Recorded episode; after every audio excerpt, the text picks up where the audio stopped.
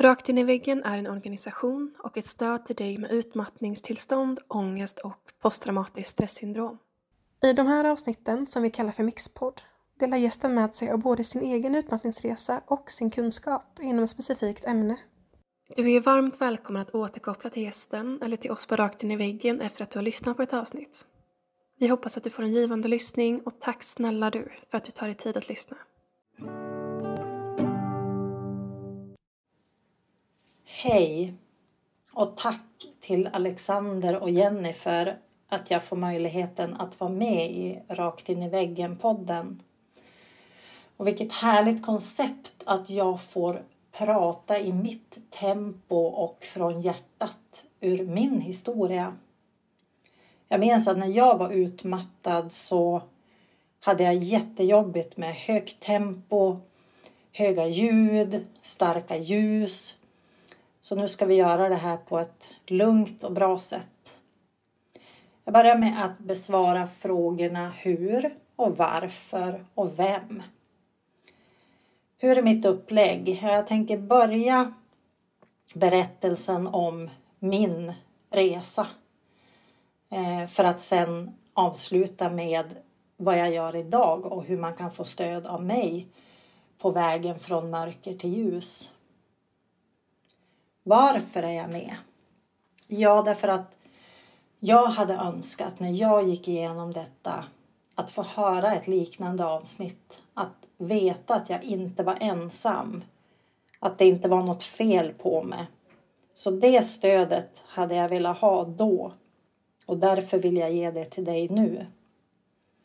Jag hade behövt trösten också att livsglädje och tacksamhet och Eh, livskvalitet fanns i andra änden av utmattning, ångest och obefintlig sömn.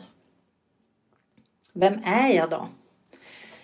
Ja, hade jag fått den frågan innan just innan jag blev utbränd eller under min utmattning eller när ångesten var som jobbigast så hade jag nog svarat att jag har ingen aning vem jag är. Eller att jag är ett tomt skal som vandrar omkring. Nu kan jag stolt och tydligt säga att jag heter Gunilla Wiklund och jag lever i balans istället för att bara överleva. Ehm, jag ser stolt på min historia. Det finns ingenting som jag skäms för utan det är ett tecken på att jag har levt och att livet är ett lärande. En resa i lärande och att se erfarenheterna på det sättet. Jag har också tittat på vad som gick fel. Eh, både runt mig själv och min omgivning och idag så um, ser jag med tacksamhet och kärlek på alla runt om mig. Även eh, där det har varit jobbigt därför att det, det har lärt mig mest. Så jag är evigt tacksam. Jag eh, hoppas att du ska få med dig någonting från min berättelse. Ett stöd på vägen, ett ljus i mörkret. För det kommer en mycket, mycket finare och ljusare framtid. Jag har alltid haft en brinnande nyfikenhet och driv. Och den här egenskapen drev mig till slut på rygg i en ambulans i en sjukhussäng för att jag skulle börja dra i bromsen.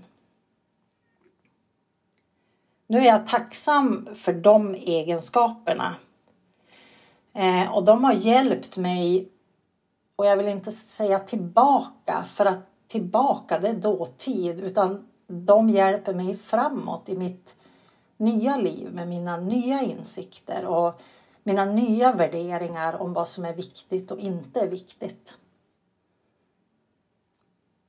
Jag var en prestationsprinsessa av rang. Jag tog själv valt på mig eh, rollen som smörjmedel i sociala sammanhang. Lekte hjälten, räddaren. Jag kom som en stuntman så fort någon behövde någonting. Och den sista jag hjälpte, det var mig själv. Jag var ju då förutom att vara dotter och mor och fru och syster och moster och vän och kollega så var jag givetvis klassförälder. Jag var kvartersansvarig. Eh, vem skulle annars se till miljön där våra barn levde? Jag var styrelsemedlem. Jag var med i olika jurys och draknästen inom näringslivet. Jag fungerade som mentor och som rådgivare och hade också en karriär från revisionsbyrå och som ekonomichef. Jag agerade, jag brukar säga att vi har en livsfilm där vi själva är huvudrollsinnehavaren och runt oss har vi bihuvudroll och vi har statister.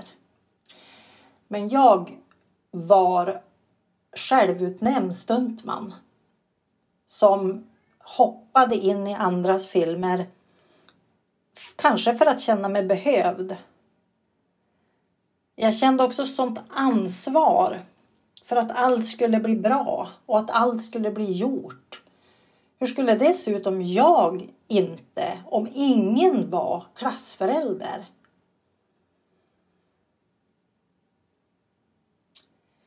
Jag anpassade mig, jag kände mig fel och jag visade aldrig eller agerade aldrig på så kallade negativa känslor. Ilska, sorg, besvikelse eller irritation. Jag var med överallt och ändå kände jag mig ensam och bedövad inombords. Förutom den här ständigt pyrande låggradiga ångesten. Något mer som fröken Perfekt dessutom gjorde. Eh, vi bodde i ett flervåningshus, jag och min man och mina två fina grabbar. Eh, fyra gånger per år så sydde jag upp nya gardiner i alla rum. Och jag hade alltid sju sorters kakor i frysen. Som om jag inte hade nog att göra som det var ändå. Sen när nära och kära kom förbi och av välvilja berömde mig och peppade mig så fick jag en enda känsla. Hjälp! Hur ska jag kunna överglänsa det här nästa gång? Jag vet att när vi satt i vardagsrummet och såg TV och jag hörde en bil svänga upp på gruset. Då fick jag hjärtklappning. Jag sprang in till köket, kollade att alla köksluckor var putsade, att alla tidningar låg på rader, att ingen disk var framme. Så att de inte skulle komma in och upptäcka att jag inte var så perfekt som jag försökte låtsas. Eh, på den tiden kunde jag inte ta emot hjälp. Eller rättare sagt, jag visste inte att jag behövde hjälp. Det är inte undra på att jag blev utmattad i kropp och själ. 2000 kom första stora smällen. Då hade ångesten övergått till panikångestattacker. Då var jag 32 år gammal mamma till två små underbara killar som var mitt allt. Eh, karriären på topp. Eh, jag vet att många som får panikångest åker till lasarettet, kanske till och med ambulans och tror att det är någonting livshotande som har uppstått, en hjärtinfarkt eller annat.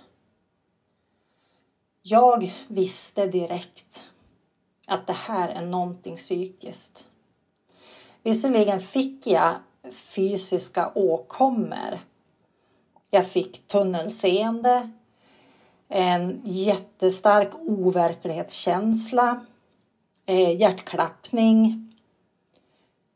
Och kroppen förberedde sig för attack efter långvarig stress utan återhämtning. Så den gjorde ju faktiskt rätt.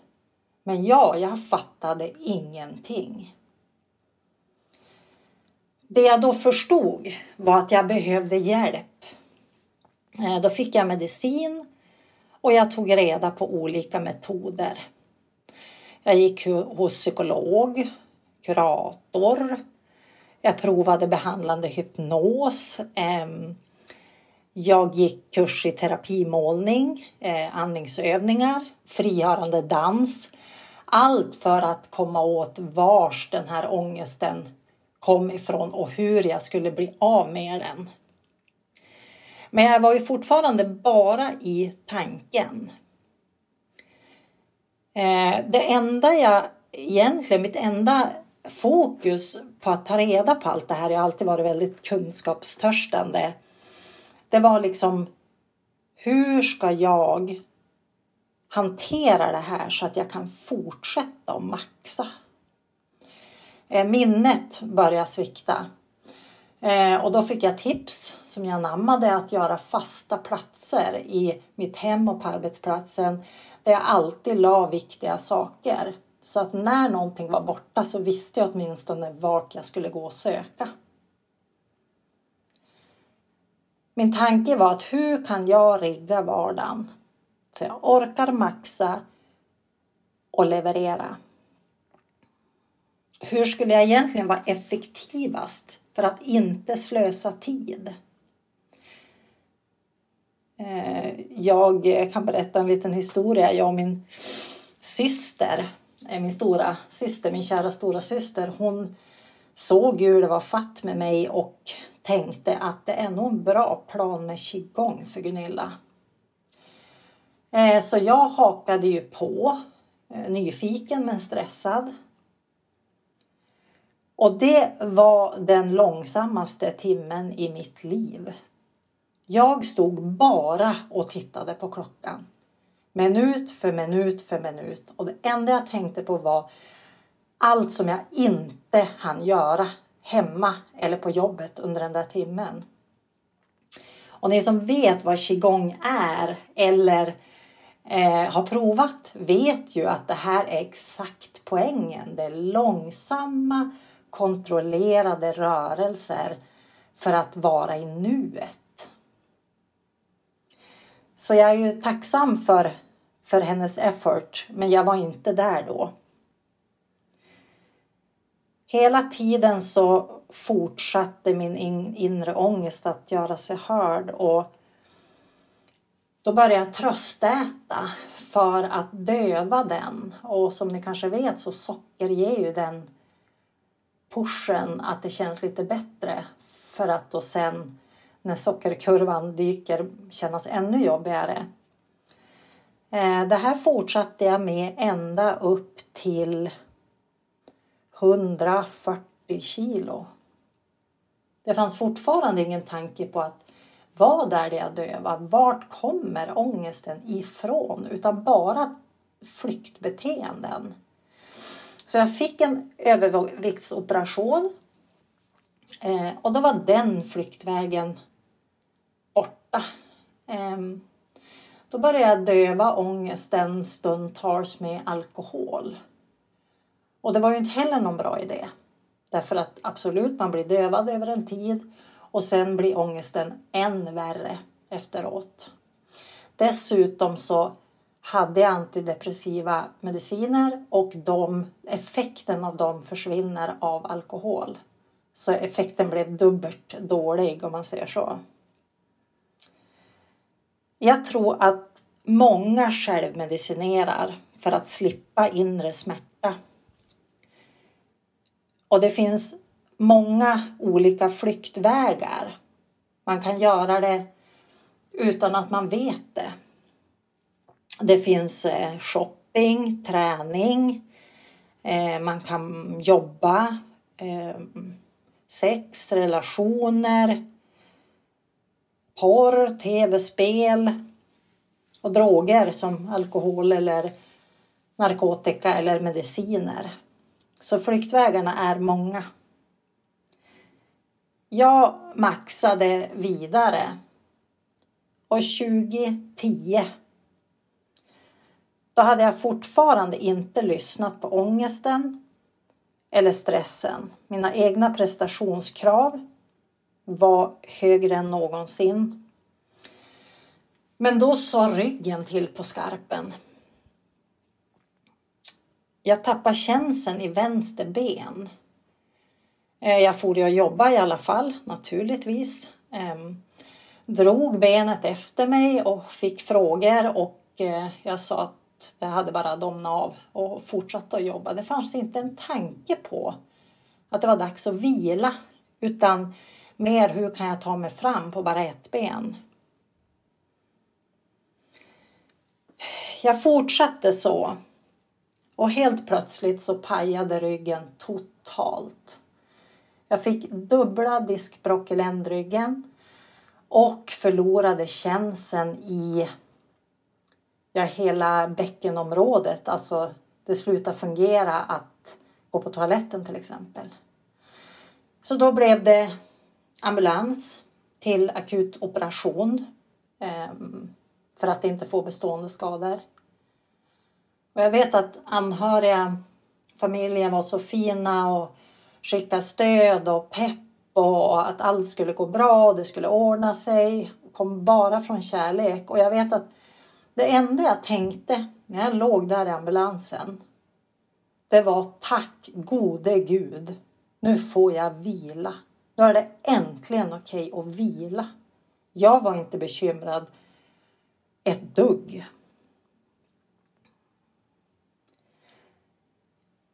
Läkaren sa åt mig att du ska ha total vila i sex veckor. Sen börja med en rehabträning hos en sjukgymnast för att sakta bygga upp ja, den små muskulaturen i ryggen då för att få stabilitet. Ehm, och jag skulle inte ens få lyfta ett mjölkpaket så jag informerade ju grabbarna och ex-mannen om läget. Och sen så eh, en tid efter så var jag på jobbet och så ringer telefon och så är det läkaren. Ja Gunilla, nu har det gått fyra veckor sedan operation. Hur går det för dig att inte göra någonting? Att bara ägna sig åt dig?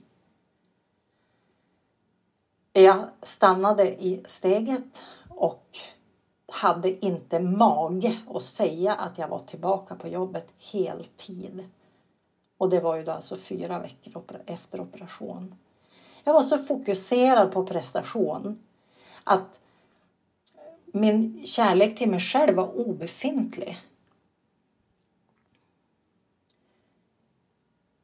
Här någonstans så började jag bli lite ledsen. Alltså ledsen för att jag inte var rädd om mig själv, för att jag inte brydde mig om mig själv. Och då började äntligen min resa inåt. Jag läste allt jag hittade om kropp och knopp och själ och hjärta. Jag sökte och jag hittade nycklar som jag gärna delar med dig. Förhoppningsvis så får du nytta av någonting och också vet att du inte är ensam. Jag hade alltid känt mig fel och annorlunda. Vilken lättnad när jag kom i kontakt med högkänslighet. På den tiden, det här var ju då 2010, så hade ju internet hade kommit men det var inte alls som det är idag. Eh, inte Google, inte eh, chattgrupper, poddar, ingenting sånt. Så jag var på biblioteket och sökte både i böcker och i tidningar. Eh, och i det här läget så sökte jag mest om ångest, vad det beror på, att den reagerar på adrenalin, vad skapar adrenalinpåslag? Och så slår jag upp en tidning där och kommer förbi ett stycke. Och liksom min värld stannade. För jag fick en förklaring på varför jag hade känt mig fel och konstig och annorlunda i hela mitt liv. Jag tänkte jag skulle få läsa den texten för er för den, den betyder så mycket för mig. Då stod det så här. Högkänsliga personer utmärks av förmågan att registrera subtiliteter i sin omgivning.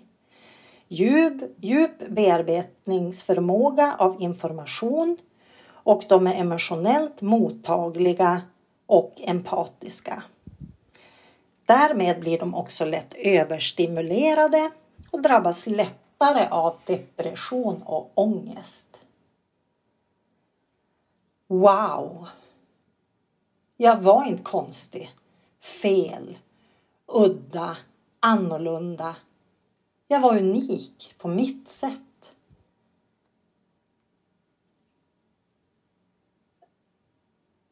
Om du som Mm. lyssnar inte har hört talas om begreppet högkänslighet så kan jag eh, berätta att 20 procent av befolkningen har den här gåvan att djupare registrera intryck och att baksidan också blir overload när systemet blir över, överhettat. Det var vi som såg till att flocken överlevde. Det var vi som var larmcentralen. Eh, så fort det dök upp en fara larmade vi. Om vi ens kände vibrationen eller doften av en fara så larmade vi. Ehm, om någon i flocken var sjuk så larmade vi för det skulle ju sinka vid en eventuell flykt. Eh, och 80 procentarna var de handlingskraftiga som liksom reagerade på larmet och drev iväg flocken. Så vi behövs båda delar. Det är ju bara det att samhället är ju byggt efter 80 procenterna och det är inte konstigt eftersom 8 av 10 inte fungerar på det här sättet. Eh, och är ni mer nyfiken på eh, runt det här med högkänslighet så finns det poddar, Högkänslighetspodden. Eh, det finns många bra böcker. Eh, om ni kollar på min Insta så har ni tips där. Jag, eh, jag visste i alla fall att jag hade starkt självförtroende. Prestation, eh, leverans, det var inget problem. Men jag hade obefintlig självkänsla. Då började jag titta på min uppväxt. Och det var inte för att hitta fel eller hitta syndabockar. Utan för att se vad hade format mig utifrån där jag kom? Och jag hade tolkat som barn att närhet och kärlek det är villkorat till prestation. Alltså att om jag var duktig och ambitiös och snäll då kände jag mig älskad och uppskattad och sedd. Däremot känslor, så kallade negativa känslor. Jag tycker inte att det finns positiva och negativa men man pratar ju så i vanligt tal. De negativa var ingenting vi pratade om. Eh, utan man skulle vara god, glad kexchoklad. Eh, och mina föräldrar de föddes i början på 30-talet och deras föräldrar i slutet på 1800-talet. Och det är klart att mina föräldrar och dina föräldrar har bara kunnat lära ut det de visste. Som de fick lära sig. Nu har vi ett helt annat informationssamhälle där vi kan ta till oss andra idéer och andra sätt att vara som inte fanns då. Så de gjorde sitt bästa utifrån vad de hade och det är jag övertygad om att alla föräldrar gör utifrån den möjlighet de har. Så nu börjar jag i alla fall förstå varför jag fokuserade på hjärnan och prestation och tankar istället för på hjärtat och känslor. Eh, de gjorde mig otrygg och osäker och jag ifrågasatte mina känslor och när jag läste av stämningar eh, om, om någon hemma sa att jo, allt är bra och jag såg att det är inte alls bra och jag ifrågasatte det så, så fick jag tillbaka att sluta, du inbillar dig. Så jag vände osäkerheten in mot mig själv. Jag känner nog fel. Jag, jag är nog konstig. Och det här bygger inte självkänsla. Och det är oavsett om man är högkänslig eller inte. För när man som barn snappar upp någonting eller gör illa sig eller så och inte får bli ledsen eller besviken eller arg. Då blir man inte bekräftad och då känner man sig inte värdefull som människa. Så låt barnen känna det de känner. Finns där som tröst. Men kväv inga reaktioner.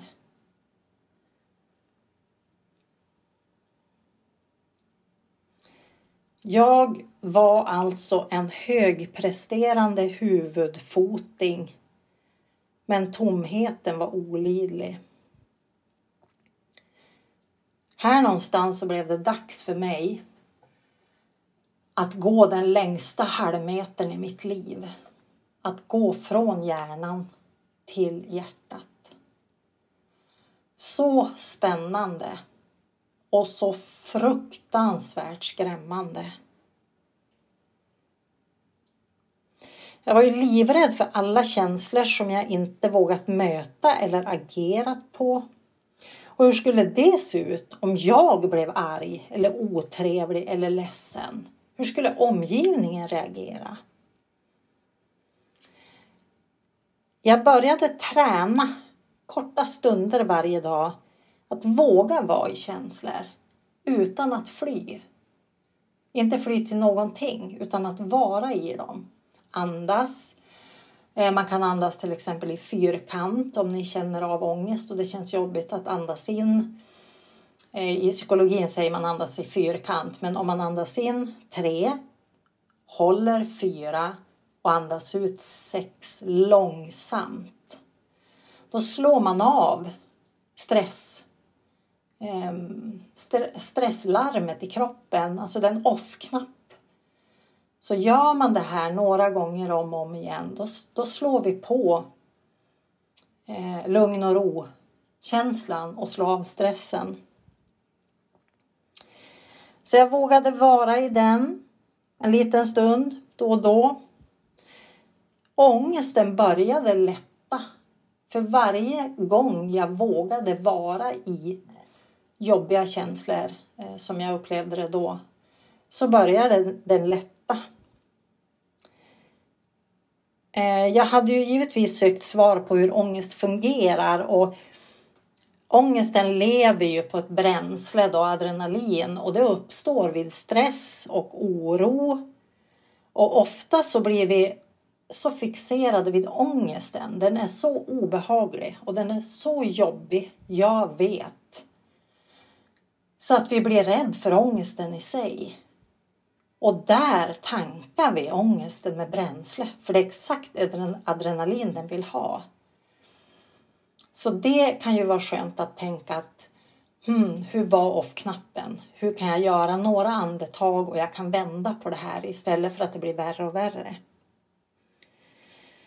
Så det är ju alltså sunt med ångest. Det är inget fel. Utan det är snarare en signal från, att, från, från vårt inre att vi har någonting vi behöver titta på. Och ju mer vi undviker och dissar och flyr, ju högre kommer den att ropa. Och i mitt fall så ropar den med generell ångest, med panikångest och till slut så börjar kroppen lägga av. Mina klienter eh, brukar fråga vad är det för fel på mig? Jag har allt och ändå mår jag så dåligt och ingenting fungerar. Och då brukar jag svara det att det är inget fel, det är rätt. Din kropp, dina signaler gör precis som de ska. De reagerar på stress utan återhämtning. Så om vi istället kan titta inåt och börja ta hand om oss och begränsa stresspåslag, krav på oss själva, börja sätta gränser. Så då kommer det här att lätta. Och det gjorde det verkligen för mig. Nu när jag börjar bli kompis med mitt inre. Tidigare hade jag ingen relation med mig. Jag var bara en utåtgående kanal. Då börjar jag och min kropp spela i samma lag. Jag slutar springa på alla bollar, slutade agera stuntman överallt.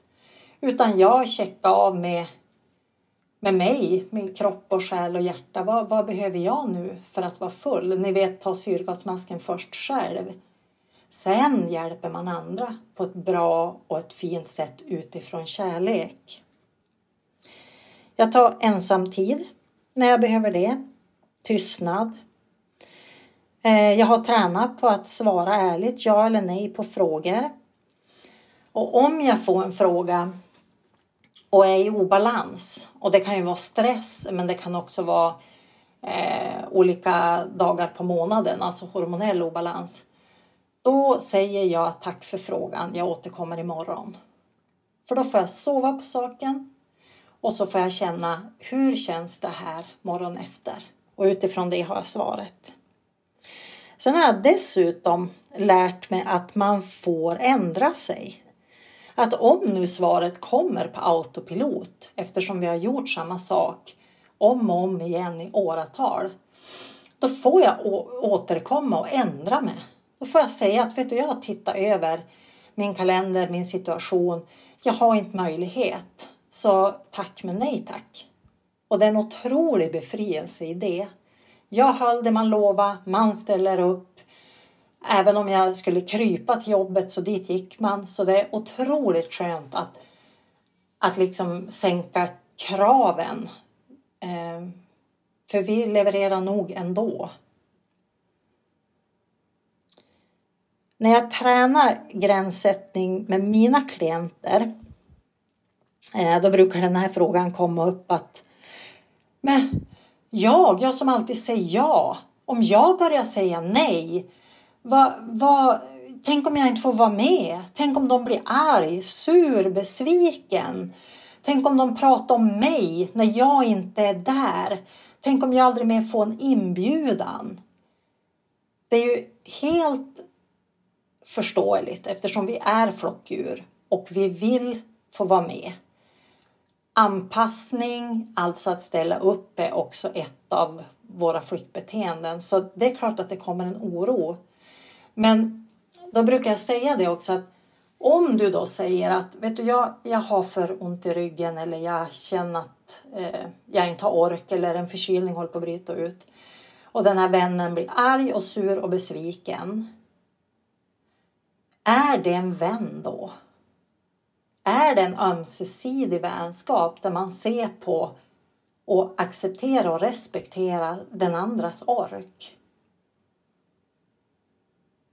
Tidigare hade jag många kompisar skulle jag vilja säga. Eh, nu har jag ett fåtal nära vänner kvar där vi har exakt den här relationen. Vi kan planera, vi kan ställa in tio minuter före. Nu tog orken slut och det är aldrig några hard feelings utan du tar den tid du behöver. Jag vill att vi går när du känner att du orkar och det gäller oss allihop åt båda hållen.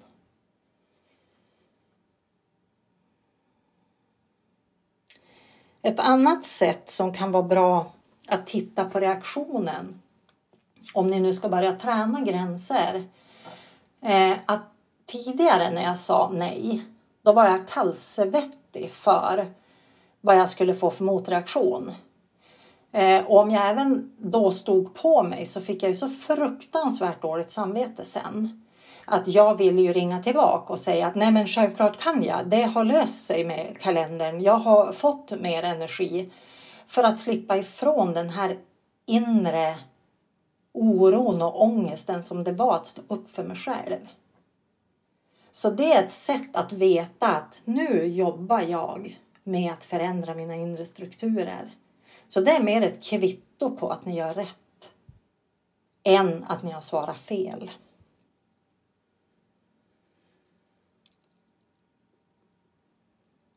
Jag vet, jag läste också mycket om energitjuvar och får också en hel del frågor om det.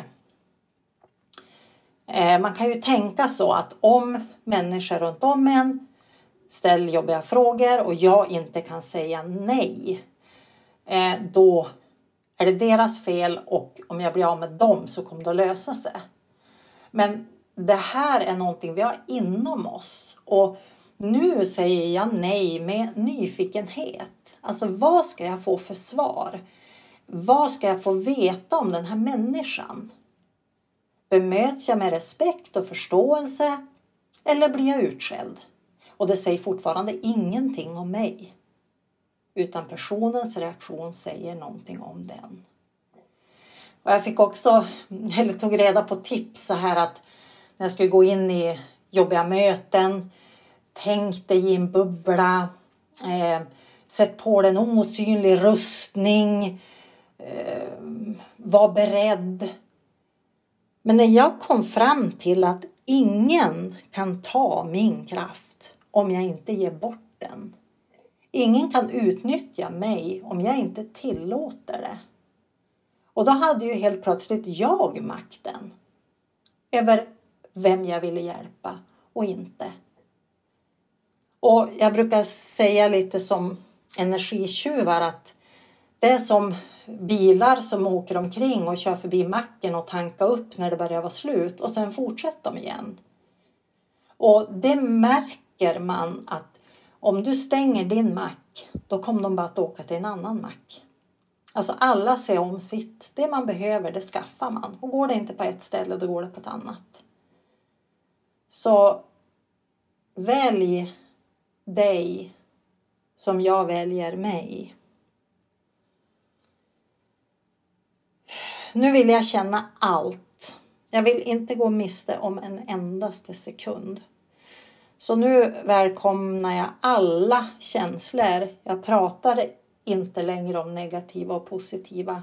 Jag har gjort det i förklarande tidigare här men det är känslor och vi har ett antal grundkänslor som är till för att ge oss signaler om saker och ting.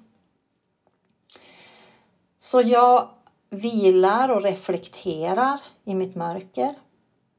Jag är ute och kör hopp och lek när det är ljust och glatt och härligt.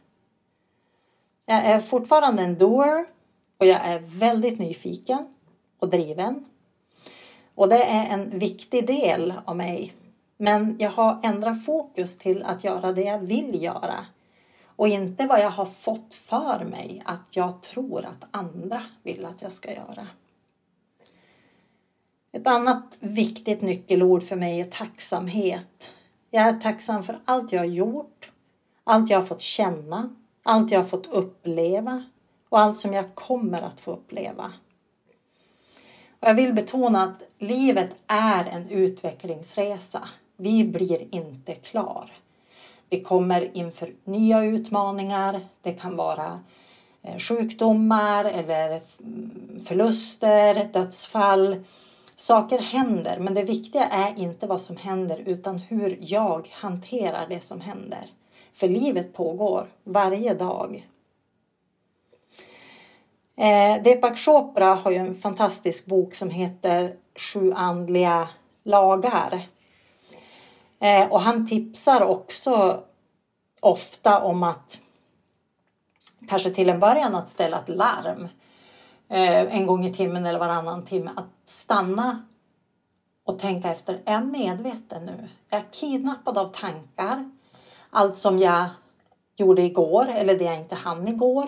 Eller allt jag ska hinna imorgon. Eller vad som ska hända till helgen och vad jag ska göra efter jag har satt på tvättmaskin. Om man bara stannar i steget och gör de här andningarna. Tre in, håll fyra, sex ut. Och bara känna att nu, nu är jag här.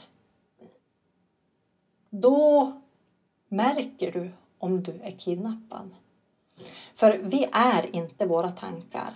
Vi är den som hör tankarna. Alltså själen, vårt medvetna. Vi hör tankarna. Jag har fått låna den här köttkostymen i det här livet och den vill jag vara väldigt rädd om. Så därför så har jag valt för, ja det är väl drygt fem år sedan att lägga om kosten till antiinflammatorisk kost. Jag har slutat med alkohol. Jag motionerar varje dag. Jag minimerar gluten och socker. Och det här är för att jag ska må bra i mig. Det här viktjagandet, det har helt upphört. Det har fallit på plats av att jag tar hand om kroppen.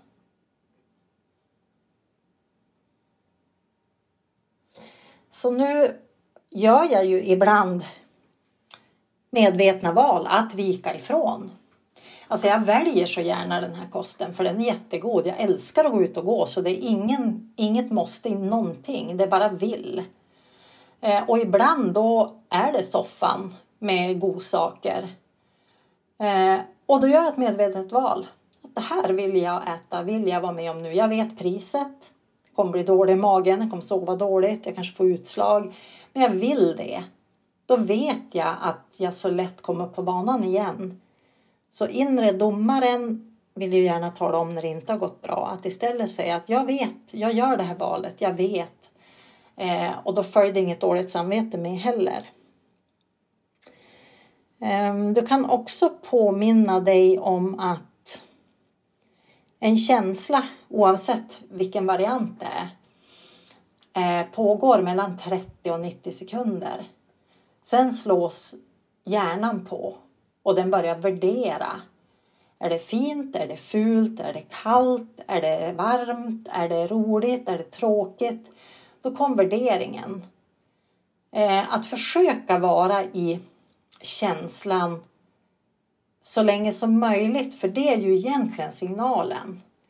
Att njuta av till exempel förundran. Alltså jag går till, det behöver inte kosta någonting. Jag går ner till älven, jag går ut i skogen, Eh, jag går en helt annan väg till stan än jag alltid brukar. Alltså att få se nya intryck och Ehm, det fyller liksom på systemet med det jag inte har haft sedan tidigare.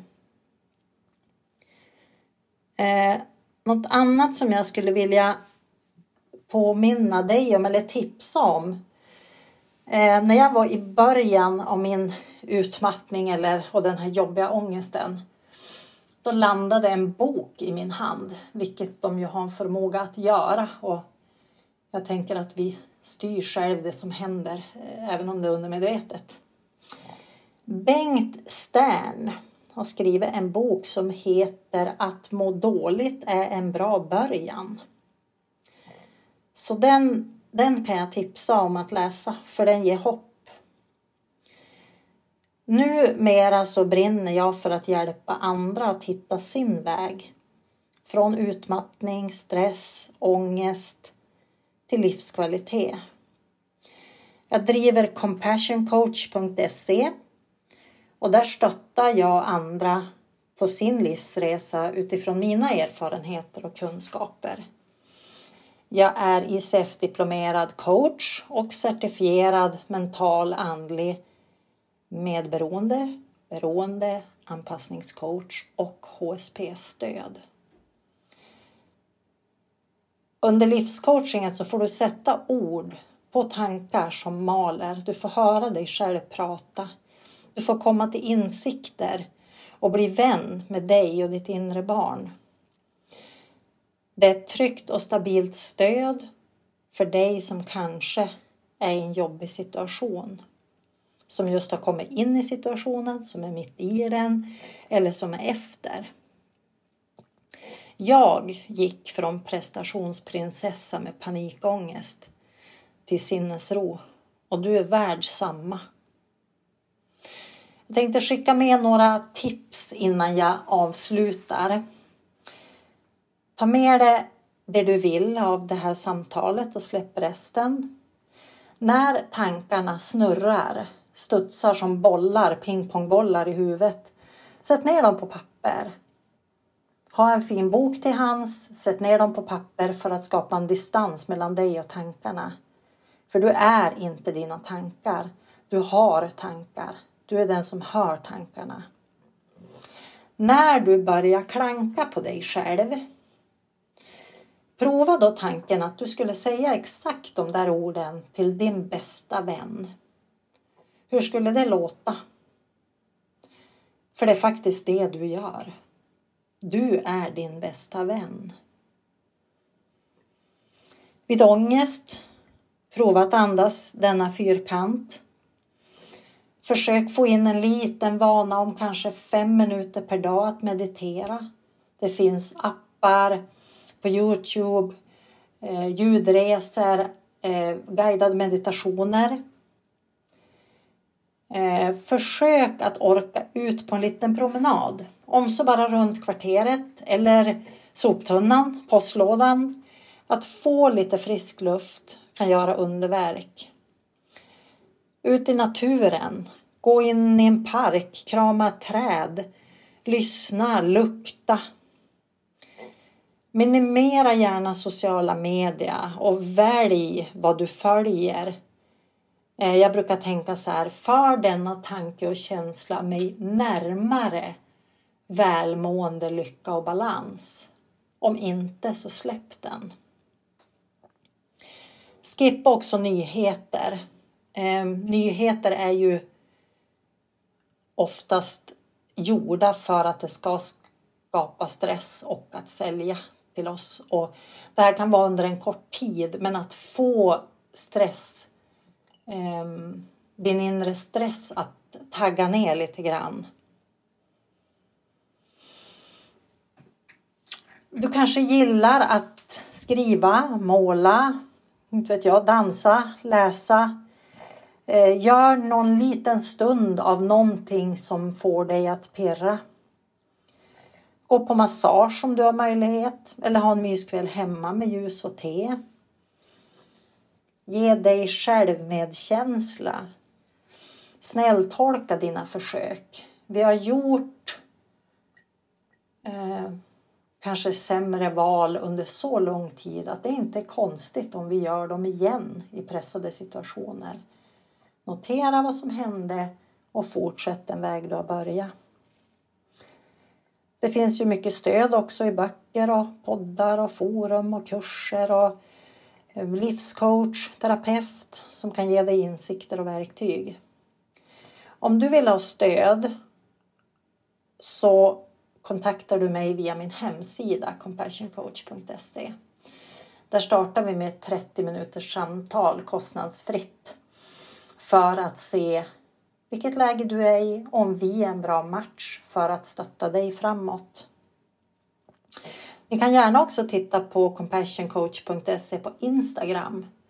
Där har jag inlägg, tre inlägg i veckan om olika teman som jag får DM om som man vill att man ska lyfta. Så är, är du inte redo för en coach eller terapeut eller så börja läsa där. Det finns om anpassning, om självkänsla, om högkänslighet, om beroende, om medberoende. Börja nosa lite där och se om du känner igen någonting. Jag vill tacka livet för min resa som jag har varit med om och som jag ska få fortsätta uppleva. Jag vill tacka dig som har lyssnat på avsnittet. Och om bara en av er kände igen sig i någonting litet eller fick en liten pusselbit eller en nyckel eller kände ett litet hopp om en bättre framtid. Då var det här värt det. Tack för mig. Vill du också medverka i Rakt in i väggens podcast? Besök i så fall vår hemsida för mer information på www.raktiniväggen.se medverkan. Om du vill tipsa oss om en poddgäst eller om du har en fråga eller synpunkt på det vi gör så kan du alltid mejla oss på info raktinivaggen.se för att få svar.